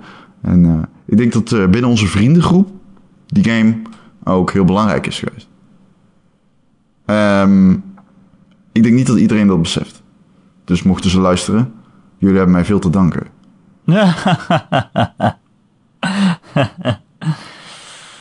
Bestaat ook gewoon ineens niet meer, hè? Rock, rockband en Guitar Hero.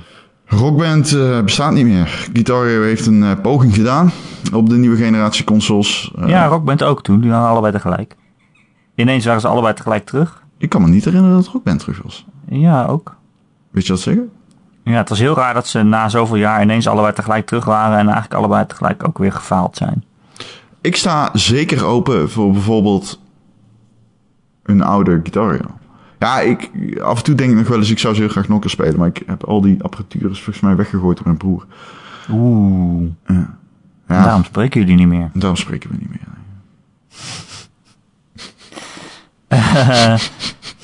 Zal ik maar gewoon verder gaan? Ja, doe maar. Dat is niet Mijn waar, nummer vijf. voor de duidelijkheid. Dat is niet waar. Vijf, vijf, vijf, vijf, vijf, vijf, vijf.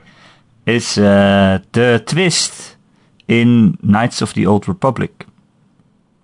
Eh, wat een hele oude, uitstekende Star Wars RPG is van BioWare. Eh, jij weet, Rob, hoeveel ik hou van BioWare? stomme twists. Ja, van BioWare. En stomme twists in games, zoals Assassin's Creed 2. Ja. Eh, ik zie ze ook nooit aankomen. Nee, en waarschijnlijk daarom... Ik ben daar heel slecht in om dingen aan te zien komen. En waarschijnlijk daarom geniet ik er zo van. Omdat ik ook altijd echt helemaal verrast ben. Als ik films kijk met mijn vriendin... En er gebeurt iets. En dan zit ik zo van wow. En dan zegt zij, ja, dat, eh, dat wist je toch van het begin al. Dat dat zou gebeuren. Dat die gast zijn vader zou zijn. Ik bedoel, de, hoe logisch is het? Ja. Maar ik weet niet. Ik, als ik iets kijk of speel, dan zit ik er zo in dat ik niet eens nadenk over wat er daarna gaat gebeuren of zo. En als er dan een twist komt, dan ben ik altijd helemaal flabbergasted. Ja. Eh, anyway, in Knights of the Old Republic speel je een Jedi of een Force gebruiker. Een Jedi. Een Jedi. De officiële die wakker, wordt. Eh, die wordt wakker eh, zonder eh, zijn herinneringen. Zoals in de aller- allerbeste verhalen. Je, hebt, ja, je bent je geheugen kwijt. En je vecht voor de Jedi. En je gaat op zoek naar hoe je de evil Sith Lords kan stoppen. Want die zijn met een leger aangekomen.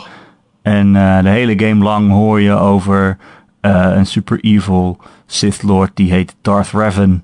En eh, die heeft eh, de oorlog begonnen. Die is ooit aangekomen met, eh, met een heel leger om de hele sterrenstelsel over te nemen of zo. Ja, ik weet het ook niet meer precies. Ja, je zit in het goede kant. In, je, je legt het best aardig uit. Ik weet het zelf ook Oké. niet.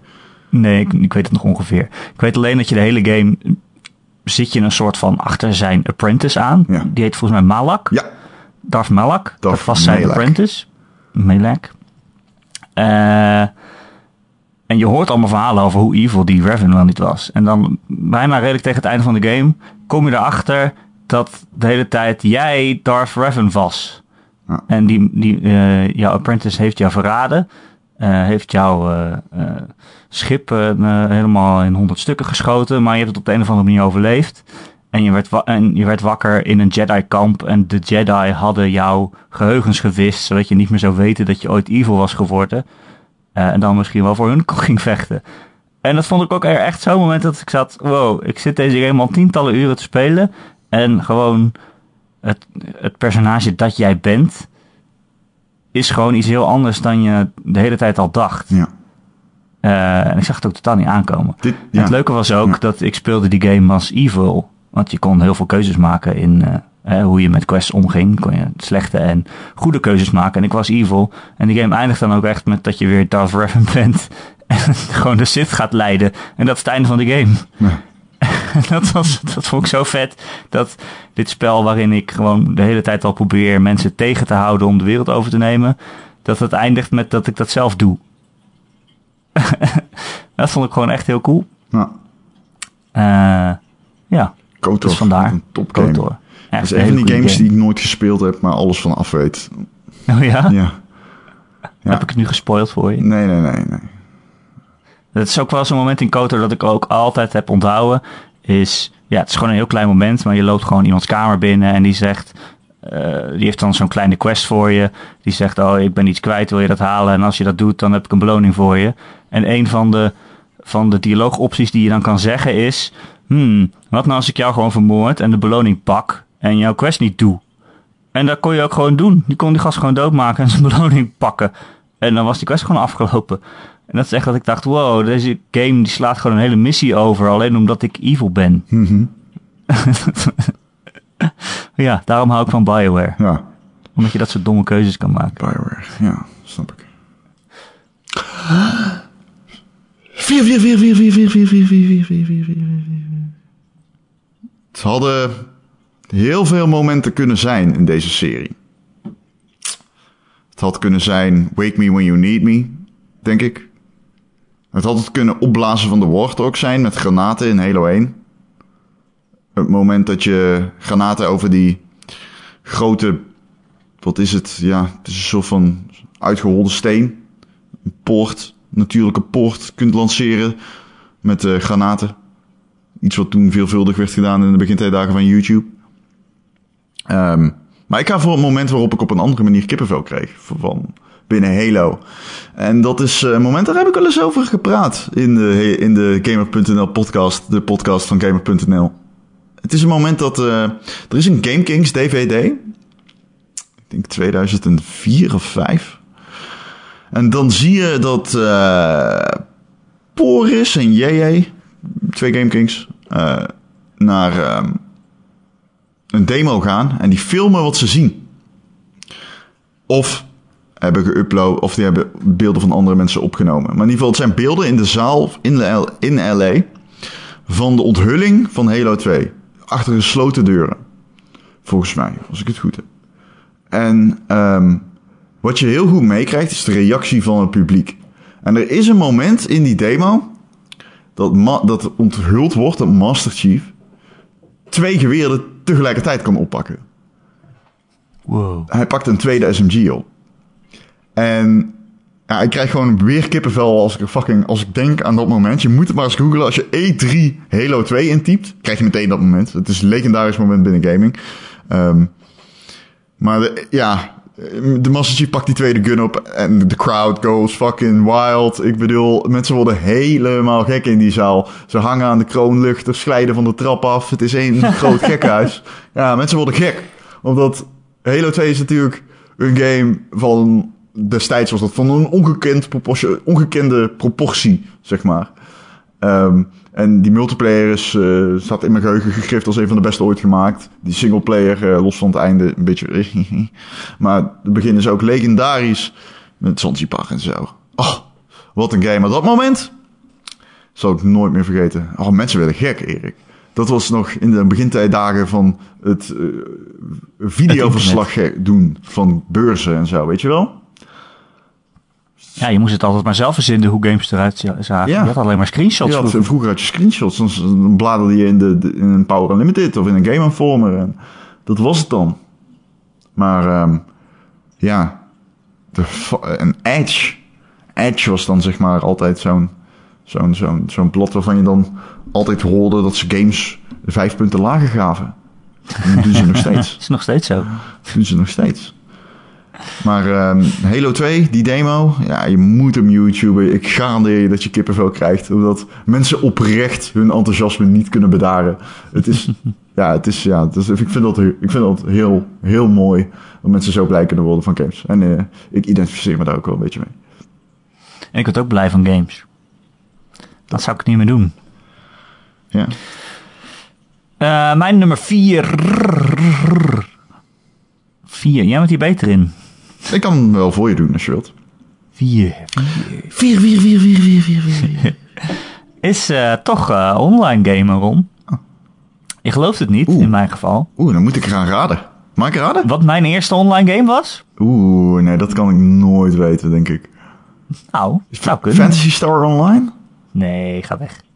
Uh, nee, het is Diablo. Oh ja, Diablo 2. Of 1. Nee, Eén. 1. 1, Diablo 1. Ja, die heb ik ook veel gespeeld. Ja. Diablo 1 via Battle.net. Ja. Eh, vond ik al echt... Ik vond Diablo 1 gewoon echt al een heel vet spel. zeker. Het is vergeleken met Diablo 2 stelde het natuurlijk niet zo heel veel voor. Je had iets van 12 verdiepingen of zo, die steeds willekeurig werden gegenereerd. Je ging steeds verder naar beneden en aan het eind kwam je Diablo tegen. Uh, maar goed, het was natuurlijk voor zijn tijd echt een heel goede game. Uh, maar het was ook eigenlijk voor het eerst dat ik online speelde. En bedacht, oh, als je dit met andere mensen doet, en dan rek je het leven van zo'n game nog veel verder op. Want in mijn eentje spelen was ik wel een beetje klaar mee. Maar als je het nog met andere mensen gaat doen, dan zie je nog weer allemaal andere nieuwe dingen. En je kan betere items vinden. En je kan zelfs ruilen met elkaar. Dat je uh, je items op de grond gooit en dat iemand anders dan kan oppakken. Ja. Uh, dat was, vond ik super vet. Je kon toch treden toen al? Gewoon echt ja, treden? Je kon, ja, je, ja, volgens mij moest je het op de grond gooien, als ik het, als ik het me niet verkeerd okay, herinner. In Diablo 2 kon je treden in ieder geval. Ja, in Diablo 2 had je echt zo'n window waarin je allebei op een knop moest drukken om een trade goed te keuren. Maar ik weet niet of dat in Diablo 1 ook zo was. Ik meen me te herinneren dat je het gewoon ah, af moest spreken en dan op de grond moest leggen ja. en dan het van elkaar pakken. Ja. Want volgens mij ben ik ook wel een keer genaaid zo. dat geloof ik. ja, misschien was ik het. maar goed, we hadden toen nog, uh, ja, gewoon, hoe heet dat? Dial-up internet. Dus uh, van het internet wat zo'n vreselijk geluid maakte. Het ging via de telefoon. dus als iemand ons belde, was ik ook gewoon, werd ik uit Diablo getrapt. Omdat het internet dan verbroken werd. ik mocht ook nooit te lang online van mijn ouders. Omdat dat klauwen met geld kostte. Omdat het gewoon via je telefoonrekening ging. Dus ze hadden zo'n boekje. Die legden ze bij de PC en daarin moesten we opschrijven hoe lang we internetten. Uh, en we mochten maar een bepaald aantal uur per week. Uh, dus het was echt een hele administratie dat we daar niet overheen mochten. Uh, en er stond ook een spaarpotje naast. dat als we dan langer speelden, dan moesten we dat zelf betalen. Hm. Dus dan moesten we daar geld in stoppen. maar na een tijdje kwam ik erachter dat ze het niet heel goed bijhielden. hoeveel, hoeveel geld daarin zat. Dus ik heb regelmatig uh, uit het internetpotje geld gestolen. en gek genoeg in mijn hoofd werkt het ook zo dat ik dat gestolen geld dan weer terug in het potje kon doen. Om dan langer te kunnen internetten. Ja. Want in mijn hoofd had ik het dan wel betaald. Ja. Zo werkt dat. Heel goed. Ja, Je hebt ethiek geleerd op die manier. ja, of niet. Ik heb geleerd dat mijn ouders niet altijd uh, alles ziend waren. Um, maar ja, daardoor heb ik echt heel veel online kunnen spelen. En ik weet ook nog, uh, doordat het online was, je kon, het vals spelen was echt heel groot in Diablo 1. Uh, er was een soort van exploit waardoor ze uh, items konden, ja, dupen heette dat. Dus namaken. Ja, duplicaten. Duplicaten. Um, en dan had je zeg maar, er was één zo'n panzer dat iedereen wilde hebben. Ik weet niet eens meer precies hoe het heet. Dat wist ik toen wel. Maar dat werd heel heel veel nagemaakt. En op een gegeven moment kwam er wel een soort van anti-cheaters uh, methodes. Dat ze mensen die gedupliceerde items hadden, dat die een soort van gestraft werden. Dus ik was heel bang om een gedupliceerd item van iemand te ruilen. Want je kon het er niet aan zien. Uh, dus ik was elke keer bang, als iemand dan zo'n heel goed panzer aanbood, was ik steeds bang dat het, dat het was. Uh, dus ik werd, er heel, ik werd er heel voorzichtig van. Maar ja, het valspelen was echt heel, heel prominent in Diablo. Dat was wel zonde. Maar ja, het online spelen met andere mensen, al die, al die kamers doorgaan. En uh, ja, dat was wel echt heel vet. Dus uh, daar heb ik online gamen geleerd. Mooi man. Oeh, dat is echt vet. Ja. Ja, Diablo. Ja, Wat een game. Ik denk dat Diablo 2 mijn meest gespeelde game ooit is. ja dat, dat geloof Die, ik. daar Dat- ben ik ook zo vaak opnieuw begonnen. En alle characters op level weet ik veel hoeveel. En allemaal online. Ik heb, die, ik heb die recent ook nog gespeeld, eh, Diablo 2. Of ja, recent, een paar jaar geleden. Ja, nog steeds heel goed. En nog steeds zo goed. Ja, zeker nog steeds heel erg goed. Ja. We komen bij de top 3 rond. Ehm, moeten we afwisselen dat jij nu drie doet? Moet ik nu drie doen? Ja, misschien is dat... eh, Weet ik veel. Kan ik doen? Zal ik dat doen? ja, is goed. Oké, op nummer 3 heb ik een moment uit Mass Effect 3. Oeh. Het einde. Eh, nee, niet het einde. Al vond ik dat... Ja, ik vond dat geen goed einde. Maar ik was ook niet zo overstuur als de rest van de wereld. Nee, mensen raken nogal snel overstuur op de wereld. Is mij, eh, heb ik ondervonden met Diablo Ja. en Mordor. maar is dat sinds het internet bestaat of was het altijd al zo? Nou, ik denk dat het internet een mooie uitlaatklep heeft gegeven aan mensen die geen uitlaatklep zouden moeten hebben. Mensen hitsen elkaar ook een beetje op. Maar goed. Jij hit eh, mij nee, zeker op. Nee, het, het Mass Effect 3, ja, weet je, als je die game nog wil spelen, dan ja, er zit, een- ik ga nu een spoiler zeggen. Maar ja, als je dat nou nog niet gespeeld hebt, dan ben je wel met je laat. Precies, daarom. Eh, nee, het moment is het doodschieten van Mordin in Mass Effect 3. Eh, zoals ik net vertelde, speelde ik bijvoorbeeld KOTOR als evil guy. Ik speelde eigenlijk altijd alles als evil guy. Eh, zo ook Mass Effect. Ik was echt een soort renegade. Ik was echt een coole shepherd. Ik sloeg mensen door ramen heen, want dat kon. En eh, eigenlijk de manier waarop ik dat soort spellen speel is veranderd door dit moment met Mordin in Mass Effect 3. Eh, hij is een soort van de dokter, de, de, de wetenschapper van het schip. Ehm, en hij kan eh, een soort van eh, pest die is uitgesproken over de Krogan, kan hij genezen. Hè, dat is een heel groot verhaallijn in Mass Effect, is dat de Krogan die zijn expres onvruchtbaar gemaakt, of bijna onvruchtbaar, omdat het een heel oorlogvoerend ras was en eh, ze het hele universum overdreigden te nemen, hebben ze ervoor gezorgd dat ze 95% minder kinderen krijgen. Ja, dat schiet het niet meer zo op. Eh, en dat kan genezen worden. En je hebt ook beloofd aan iemand dat het genezen wordt. En Mordin die kan dat genezen. En daarvoor moet hij in een lift omhoog naar een apparaat waar hij dat kan, erin kan doen.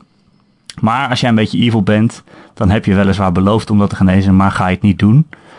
Eh, maar Morden is sowieso op weg om het te gaan genezen. Dus wat je dan kan doen is hem, hij is onderweg naar die lift om omhoog te gaan. En je kan hem in zijn rug schieten. Eh, waarop die bloedend naar de lift kruipt. eh, en er weer uitkruipt. En eigenlijk net doodgaat voordat hij zijn missie kan voltooien. Tenminste, dit is hoe ik het onthouden heb. Ik Ja. weet niet of het precies één op één overeenkomt. Maar volgens mij wel. Ja, Komt het daar wel op neer. ja. En ik zat echt zo naar mijn scherm te kijken. Ik had het net gedaan. Ik vond Morden best wel een tof personage.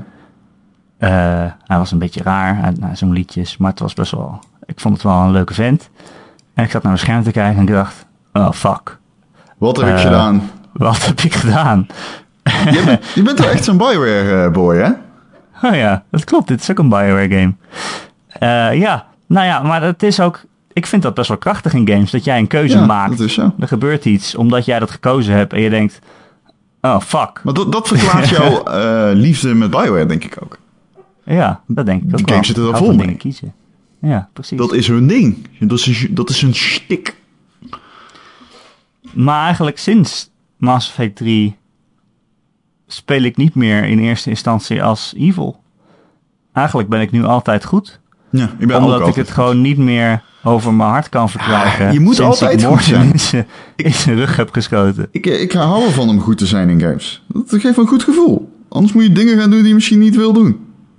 Ja, maar ik vond het altijd zo leuk om te zien wat er dan gebeurt. Net zoals met in, in KOTOR, wat ik net vertelde, dat het dan eindigt Ja, ja, dat jij evil bent en het universum wil overnemen. Ja. Ik vind dat een interessanter gegeven dan, oké, nou we hebben de wereld gered. Ik bedoel, dat is een beter verhaal en dat is een goed verhaal en dat is, dan ben je goed en dan heb je je missie volbracht. Maar ik, ik vond dat meestal als je evil bent, gebeurden er onverwachtere dingen. Ja, misschien. Eh, maar dit was iets te onverwacht.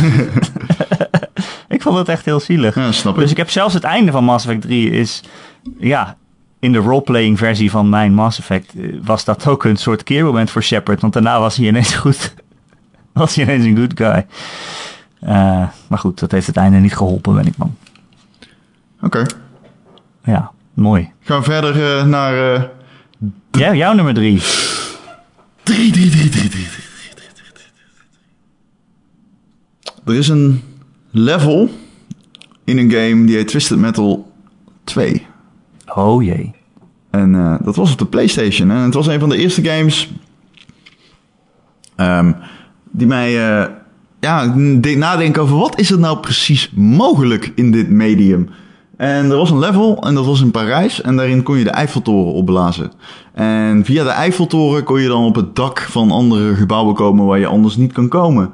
Uh, waardoor hele nieuwe pad, paden binnen level uh, tevoorschijn kwamen en dergelijke. En de, de, het gevecht zich niet alleen op de grond meer bevond, maar ook in de lucht. Uh, op gebouwen en waar je van afsprong. En terwijl je raketten op andere mensen schoot. ik heb die game zo fucking veel gespeeld, dat is ongelooflijk. Maar bovenal, door dat level en doordat je de Eiffeltoren kon opblazen, ging ik heel erg nadenken over wat kun je hier nog meer doen. En dan ga je nadenken over, oh, kan ik ook dit rooster eruit blazen? En kan ik dan ook onder de map door? Kan ik in het riool? En ik was heel jong, ik was acht of zo. Dus je hebt nog geen echt weten van level design. Je weet niet wat de limitaties zijn van level design. Je weet niet wat binnen de grenzen van de game, tenminste wist ik niet, misschien was ik een dom kind, wel en niet mogelijk was. Um, en uh, ja, dat, dat heeft mij zo... Mijn, toen dat gebeurde, toen ik zag dat je de Eiffeltoren op kon blazen... toen sloeg mijn hoofd op hol. Toen dacht ik, wat is er nog meer mogelijk in deze game? Uh, dus dat uh, was zo spannend en zo... Uh, ja, dat was echt spannend voor mij. Dat is echt een moment... Voor zo'n klein kind is dat echt zo van... Fucking hell, je kan gewoon een deel van een level opblazen. En dit is wat er dan gebeurt. ongekend. die hele game is fantastisch, maar dat specifieke moment staat in mijn geheugen gegrift als de dag van gisteren. Je kan in het echt ook de Eiffeltoren opblazen. Ja, dat is ook een heel ding uh, wat mensen proberen te doen, denk ik. Elke dag. Ja. Staan ze daar. In Twisted Metal kon dit. ja, cool man. Ik heb hem laatst voor de eerste keer uh, van dichtbij in het echt gezien. Toen ik Eiffeltoren? op trip moest voor FIFA. Hij is fucking groot, gek. Ja man. Ben je ook naar boven geweest? Nee. Nee, maar Best ik, wel hoog. ik stond er echt van te kijken hoe groot het was. Ik wist namelijk wel dat de Eiffeltoren hoog was. Maar zo groot? Hij is gigantisch. Ja, dat klopt. En aan de onderkant kan je bier kopen. Ja? Tenminste, dat was toen ik er was zo. Daar was zo'n kraampje met bier, halve liters. Oké. Okay. En dat is... Ze hebben onder, onder de Eiffeltoren zitten tanken. Ja, ja. Ja, ja. Krijg je dat weer. Hangjongeren onder de Eiffeltoren. Ron naar nummer twee. Oeh, twee al. Ik dacht Jesus. eigenlijk, ik denk eigenlijk dat jij deze game toch ook nog gaat noemen. Ja, ja dat is nog maar zo weinig plek. Ik denk dat het mijn uh, één is. Oh, oké. Okay. Het is The Last of Us. Kaching. Uh, en ik zat, ja, die game heeft gewoon heel veel indruk op me gemaakt. Ja. Nou ja, daar hebben we het al eerder over gehad. Ook in podcast 100 trouwens. Ja. Met de beste games aller tijden. Ja. En ik zat te denken, Ron. Ja. Daarom hebben wij niet hetzelfde. Ik zat terug te denken aan die game. En ik wilde nu zeggen, oké, okay, het einde van The Last of Us, dat is mijn moment. Toen zat ik te denken, nee, dat is eigenlijk niet zo. Eigenlijk het moment dat mij nu het meeste bijstaat, is uh, het moment dat Ellie en Joel net allerlei vreselijke dingen hebben meegemaakt. En dan een bepaald deel van de stad komen en daar lopen allemaal giraffes rond. Ja. Dat is eigenlijk het moment dat mij nu het meeste bijstaat. Huh. Uh, Ellie die is net ontvoerd geweest. Die heeft een of andere creepy verkrachter doodgemaakt. Het is best wel een, een grimmig spel, Het is we het zo zeggen. Als er een spel is wat je niet moet spelen als je depressieve gedachten hebt, dan is het The Last of Us. Of The Quiet Man. Eh, Ellie is net echt door een soort hel gegaan. En je komt, je komt in zo'n stuk en dan het is gewoon heel mooi. Het is, er is heel veel natuur. En dan lopen giraffes. En Ellie is ineens weer een kind. Tenminste, je ziet haar gewoon verwonderd om zich heen kijken. En op dat moment denk je, ah fuck, ja, dit is ook gewoon een klein meisje die net echt allemaal kutdingen heeft meegemaakt. Maar het blijft wel uh, een, een meisje Ja. uh, die zich verwondert over dingen in de wereld. Um, en dat moment dat, ja, dat ze dan zo'n giraf ziet en denkt en zegt van wow, zoiets heb ik nog nooit gezien. Ja, hè, iemand die toch iets moois kan zien in zo'n duistere wereld vol met klikkers. Uh, dat vond ik heel, een heel hoopvol moment. En wat daar ook direct op volgt is dat zij met, met Joel gaat praten. Uh, waarin ze eigenlijk aan hem vertelt van... Yo, als ik, als ik dood moet om dit te fixen, dan is dat maar zo. Uh, dat zit daar volgens mij vlak achteraan, als ik het me goed herinner. Uh, wat natuurlijk ook nog een soort van foreshadowing is voor het einde naar Joel, die daar totaal niet naar luistert. Uh, ja, ik weet niet. Ik, ja. ik heb ook een, een, schilderijtje in mijn huis staan. Een klein, ja, het is niet echt een schilderij, ah. maar uit, uitgeprint. We hebben hetzelfde schilderij, uh, ik hoor het al. Oh ja, van dat moment. Ja. De, ja, de, die, zwarte silhouet. Ja, ja. Met een soort rode achtergrond waarin ja. zij een, uh, een giraffe aait. Ja. Ja. Uh, ja, die heb ik in mijn huis staan. Ja. Om die reden. Ja. Dat is zo mooi. Ja, Wat een game. we gaan elkaar verrassen, spelen, dat hoor ik al. We kunnen hem toch weer spelen. Hoezo gaan we elkaar Nou, dat verrassen? kom ik zo wel. Oh. Wat is jouw nummer twee, Ron? Mijn nummer twee is uh, heel cheesy. Daar ga ik gewoon eerlijk in zijn. Maar um, weet je ook wat ik aan het begin zei? Over dat ik um, op de meest rare momenten emotioneel kan worden. En dat niemand dat ooit van mij verwacht. Ja. Ja, dat is zo. nee. Um, nee, uh, dat is wel zo. Um, dat geeft niet. Mannen mogen huilen, Ron. Er is een trailer waar ik eigenlijk alles aan te danken heb. Zonder die trailer had ik hier niet, niet in deze podcast gezeten. Zonder die trailer had ik niet uh, deze uh, stap gezet om in deze industrie te werken. Want dan had ik nooit een Xbox 360 gekocht. Nee, dan had ik nooit, dan had ik nooit die game gekocht. Ik had toen al een Xbox 360, ik moet het goed zeggen. Maar zonder die game ooit te komen, had ik nooit, kopen, had ik nooit mijn horizon verbreed. Uh, richting, het was een, een gateway game voor mij omdat ik nooit heel veel verder keek in die periode in mijn leven dan online gaming. Uh, ik, ik heb ook vroeger nooit echt veel RPG's gespeeld of zo. Maar het is een hele cheesy trailer van een hele cheesy game. En het is de trailer van Gears of War 1. Ah. En de Mad, Mad World, met toch? Mad World van Gary Jules. En ik kan niet genoeg bedenken. Als ik, ik krijg nog steeds kippenvel van die shit. En ik weet het. Het is gewoon, weet je, het is super uh, cheesy om mannen met emotionele muziek rond te zien rennen. Eigenlijk zie je maar één iemand. Maar het, die trailer is zo krachtig bij mij. Het doet alles goed. Ik weet niet waarom. Ik kan er niks aan doen. Maar dat komt omdat ik van domme mannelijke shit houd. En die game heeft... Wat ik al zeg, het is een gateway. Omdat het forceert die emotionele momenten. En het past niet bij de rest van de game. Maar het, doet het, het heeft er toch scheid en het doet het toch. En dan kun je zeggen, ja, dat is heel makkelijk scoren. Maar misschien is het ook omdat ik jong was. Maar het werkte. Ik zat uh, op de bank bij mijn goede vriend Amandre Zayega van Mabedi. En um, ik zie die trailer. En um, het, uh, ik, ja, voor wie het niet weet, je hoort zeg maar dat deuntje, piano deuntje van Mad World. Wat echt een nummer is, als je dat hoort begin je al meteen te janken. uh, cover van Tears for Fears. Um, en ja, je ziet Marcus Phoenix rondrennen in zijn eentje. Uh, op een gegeven moment zegt hij all around me are blah blah blah faces. En dan draait hij zo'n gezicht van een pop op, van, van een pop om die op de grond ligt. En dan rent hij verder alleen. En het eindigt in een confrontatie met een vijand. En dan hoor je zo Mad World na echoen. En dan zegt hij, Gears of Xbox 360. Out now. en het heeft, ja, ik weet niet. Ik, ik zag dat. En ik kijk een man aan en ik zeg, gast, ik heb fucking overal kippenvel. En hij zegt, jij ook. En uh, het duurde niet lang of ik had die game. Ik denk niet dat het langer dan een paar uur geduurd heeft. En ik ben uh, op de fiets gesprongen naar uh, Zomer of Helmond gefietst, wat ik bij Lierop ligt. En uh, daar naar de winkel gegaan en Gears gekocht. En ja, toen uh, co-op game ontdekt. ja, die game heeft veel bij mij losgemaakt eigenlijk. Terwijl het een hele ja, gezapige, cheesy game is qua storyline en zo. Ja. Maar, uh, het zijn stoere mannen die aliens schieten. Ja, maar die trailer, man. Ja, ik, misschien is dat puur persoonlijk. Maar het is ook persoonlijk. Nee, het is ook. Het is wel een van de beste trailers die, uh, die er zijn, volgens mij. Ik, maar jezus, ik kan. Ik, ik, oh, fucking overal kippenvel. ja. En hoe heeft het je, je horizon dan verbreid? Want je zegt, zonder ja. dat was ik niet uh, in de games. Het was een gateway game. Ik speelde daarvoor alleen Call of Duty. Ik speelde Call of Duty 3. Ik speelde de Halo's. Ik speelde veel Rainbow shooters. Six. Ik speelde... mm, Hè? Rainbow Six. Ja, Rainbow Six. en dit uh, was een game die ik normaal niet zou kopen. Uh, wel dom en mannelijk, maar die ik normaal niet zou kopen. Uh, en toen ging ik ook echt die singleplayer helemaal co-op spelen en zo.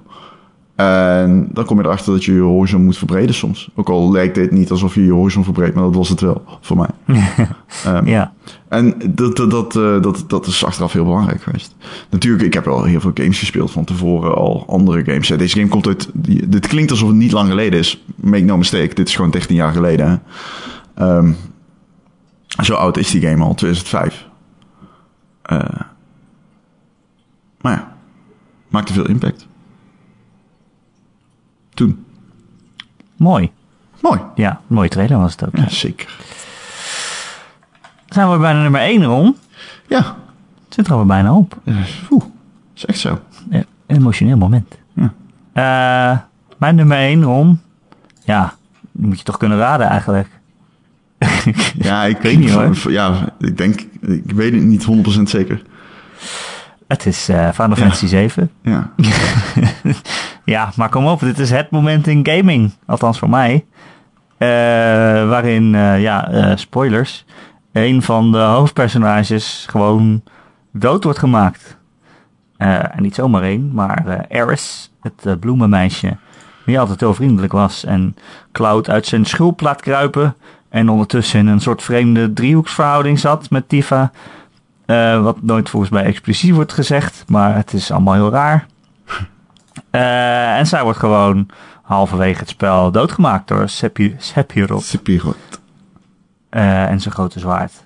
En ja, ik had nog nooit zo'n personage dood zien gaan. Zeker niet eentje die je speelde, die gewoon in je party zat. Die je gewoon level upt en, en equipment geeft en probeert zo goed mogelijk te maken. En ineens was die weg. Uh, wat kut was, want ik speelde daar ook wel mee met die de hele tijd.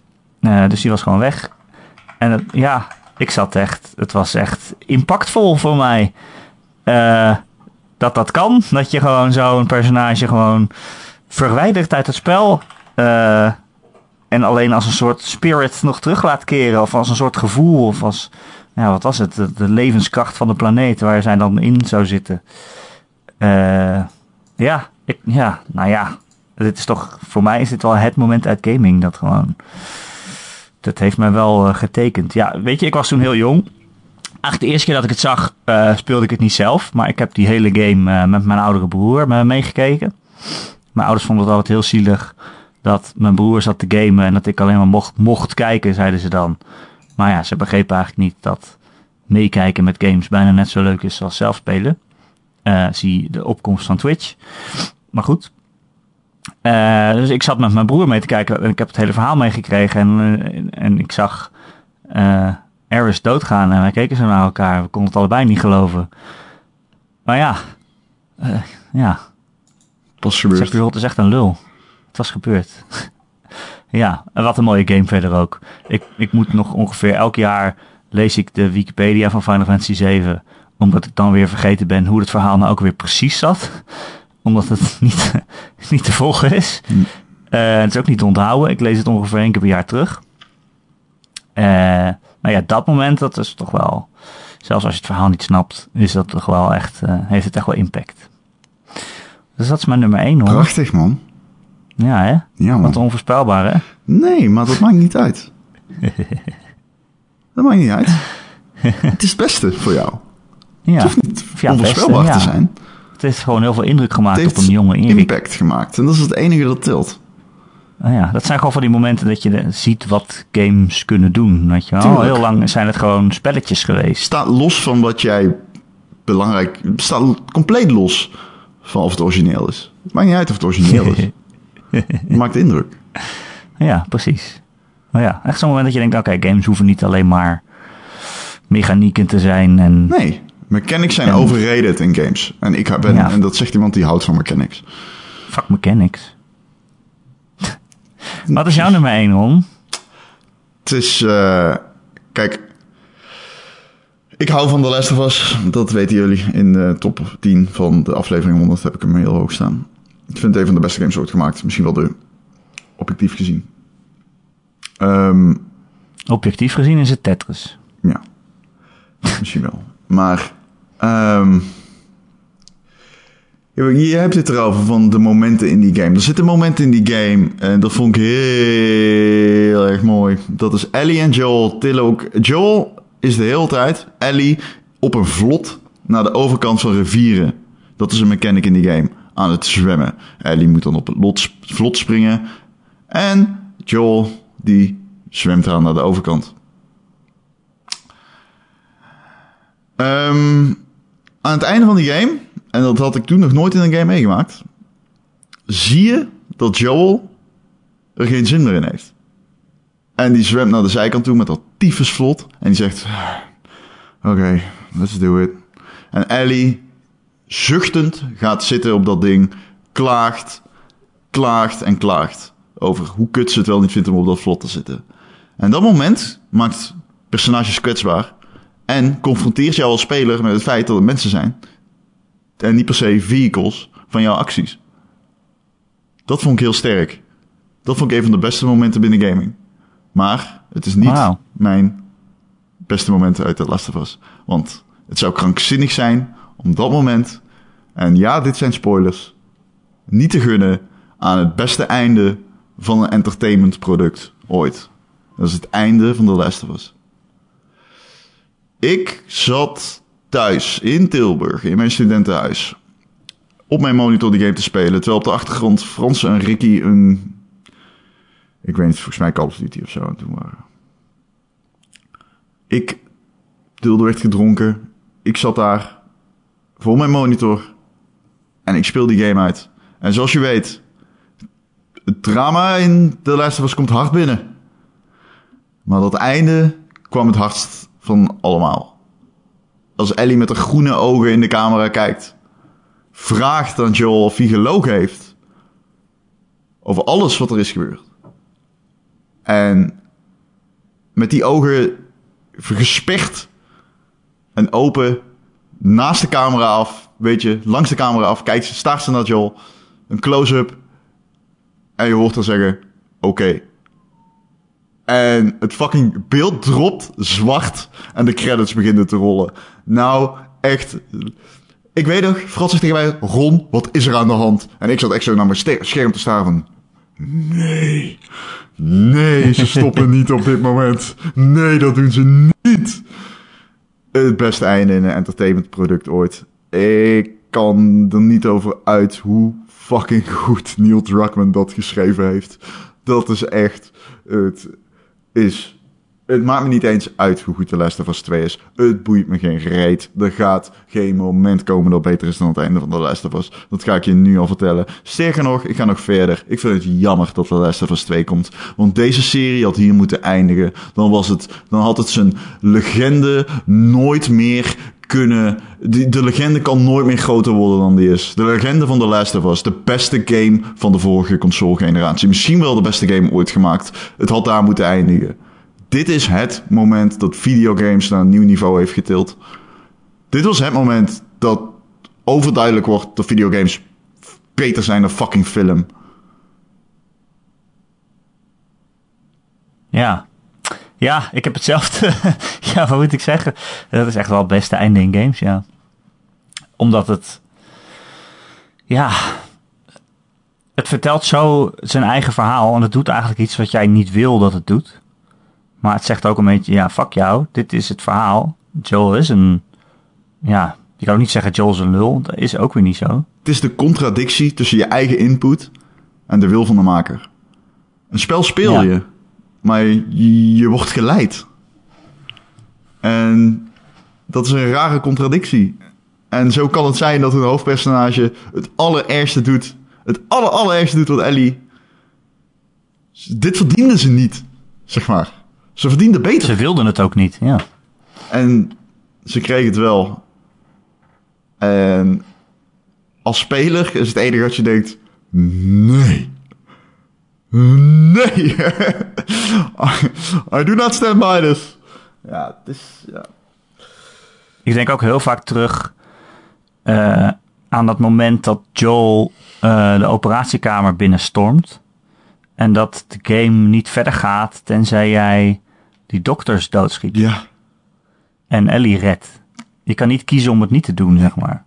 Nee, ja. En je kan alleen maar je PlayStation uitzetten en zeggen: Nou, dit gaan we niet doen. als ze die vrouw van de Fireflies doodschiet. Ja, Dat is misschien wel het eerste moment. Dat is echt, maar het wordt ook gewoon grafisch gewoon. Je ziet gewoon, dus hij knalt gewoon die kop. Gewoon door die kop. Je zit echt zo. Hij is gek. Hij is gek. toch doorspelen, hè? Jazeker. Ja, en dat, die, dat je in paniek met Ellie in je handen door het ziekenhuis rent. Of door die basis. Ja, precies. Ja, je moet rennen, anders word je in je kop geschoten. Ja. Ja, erg. Game. Oh. Die fucking game. En dan daarna heb je zo'n scène in de auto. Zij ligt dan op de achterbank. En ze vraagt dan wat is er gebeurd. Hebben we het, hebben we het gered? En dan zegt hij nee, het was toch niet. Het was toch niet zo. Ze konden het toch niet. En toen zijn we weggegaan. Je ziet er al zo kijken zo van oké, echt? Maar ja. Ja, mooie game. Oh, ik wil hem nog een keer spelen eigenlijk. Nee, nee, nee, ik niet. Nee? Nee. Ik ga voordat de laatste 2 uitkomt, ga ik hem wel nog een keer spelen. Nee, ik niet. Nee, deze laat ik in mijn hoofd zitten. Burst. Oké. Dat waren onze top 10's. Ik hoop dat het enigszins overbrengt hoeveel we van games houden. Ik hou op zich wel van games. Op zich vind ik het best leuk. Ja, ja, games zijn de enige rode draad in mijn leven. Nee, jij bent ook een rode draad in mijn leven. Weet je wat ook een rode draad in mijn leven is? De Game van de podcast? is er nog één vraag, Ron? Die kwam binnen op onze Discord kanaal. Van Instant Karma NL. Oh. Oftewel Mark. Ja. Die zegt, wat is jullie meest memorabele moment van 200 podcast afleveringen? Dat drop je zo. Ja. Kan je het gewoon even beantwoorden?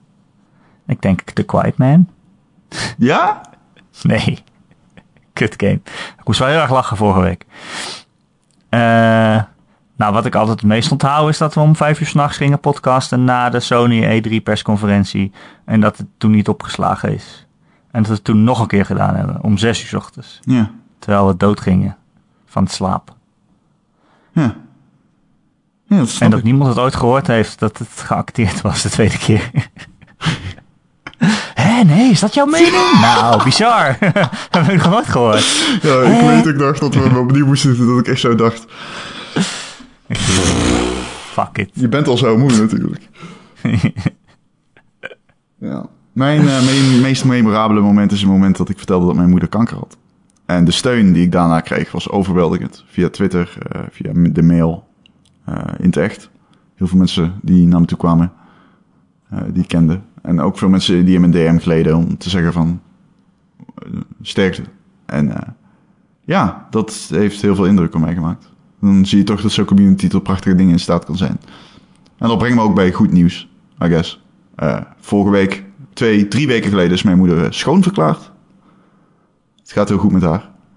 En ja, ik hoop haar nog lang bij ons te houden. Ja, fijn man. Ja man, Ik was echt super blij toen ik dat hoorde. ja, th- thanks. Gewoon helemaal alles is eh, weg. Het is, eh, volgens de dokter hadden ze het nog nooit meegemaakt. Nou, de chemotherapie was dodelijk, ja, extreem effectief. Dodelijk effectief, slechte woordkeuze. Ehm, Dodelijk voor de Ja, kanker. wel dodelijk voor de kanker, ja. En eh, de dikke darm was weggesneden. Na de helft van de lever, die eerst was weggesneden. En eh, de dokter zei, we hebben niks meer in de di- dikke darm waar de kanker is begonnen gevonden. Het was gewoon allemaal weg. Je weet het natuurlijk nooit. Het is kanker, kan zomaar terugkeren. Goed weet, God weet krijgen we over een maand slecht nieuws. Dat weet je niet. Dat is de onzekerheid waarmee je moet leven. Maar eh, dat is, eh vooralsnog eh, mogen we onszelf in de hartjes wrijven. En ik wil iedereen Beste resultaat voor... dat had gekund. ja, beste tijdlijn. Als dit een Japanse visual novel was geweest, zaten we in de allerbeste tijdlijn. Fuck, ben ik Steins Gate vergeten. nee, die had het niet gehaald, denk ik. De top 10. Dus daarvoor eh, dank. Nee. Jij bedankt. Nee, Erik. Jij bedankt. Voor 200 afleveringen Gamer.nl podcast. Leuk dat je luistert. Leuk dat je luistert. Eh, dat was het einde. Ja. Toch, we stoppen toch? Ja, nu stoppen. 200 is wel oké. Hm. Al moet ik het misschien wel voor Battlefield 4 hebben de volgende keer. Ah, oké, dan doen we er nog één. Heb jij Tetris Effect gespeeld? Zeker heb ik Tetris Effect gespeeld. Ik heb een game gespeeld. Heel raar, er zat geen geluid in. heb je hem echt gespeeld? Ja. Wat vond je ervan? Misschien moeten we dat bewaren voor aflevering 201. Weet je wat we ook moeten bewaren voor aflevering 201? Hm? Aflevering 201 van de Gamer.nl podcast. Die kun je elke maandag downloaden via onze website en allerlei andere podcast apps en streams en feeds. Zo u wilt. Maar dat doe je waarschijnlijk al. Eh, of op Spotify. Eh, je kunt, eh, heb je een vraag of opmerking voor de podcast of wil je je eigen meest memorabele gamemoment met ons delen? Vinden we wel leuk. Dan kun je mij mailen, erik.gamer.nl, erik met een k.gamer.nl. Je kunt je reactie achterlaten onder het bericht waar je deze podcast vindt op de website. Of het allerleukste is als je in ons Discord kanaal uh, komt, waar uh, al uh, heel veel mensen zitten. Ik geloof 130 al. En dat is hartstikke gezellig. En dan kunnen we met elkaar chatten. Dan kan je ook vragen stellen. Ron, ja, dankjewel. Heb ik al gezegd. Nee, jij bedankt. Nee, jij bedankt. Wat eigenlijk het allerbeste moment in gaming is, Ron, is... Dat ben jij. Dankjewel. Dat hoor ik vaker. Tot volgende week. Tot volgende week.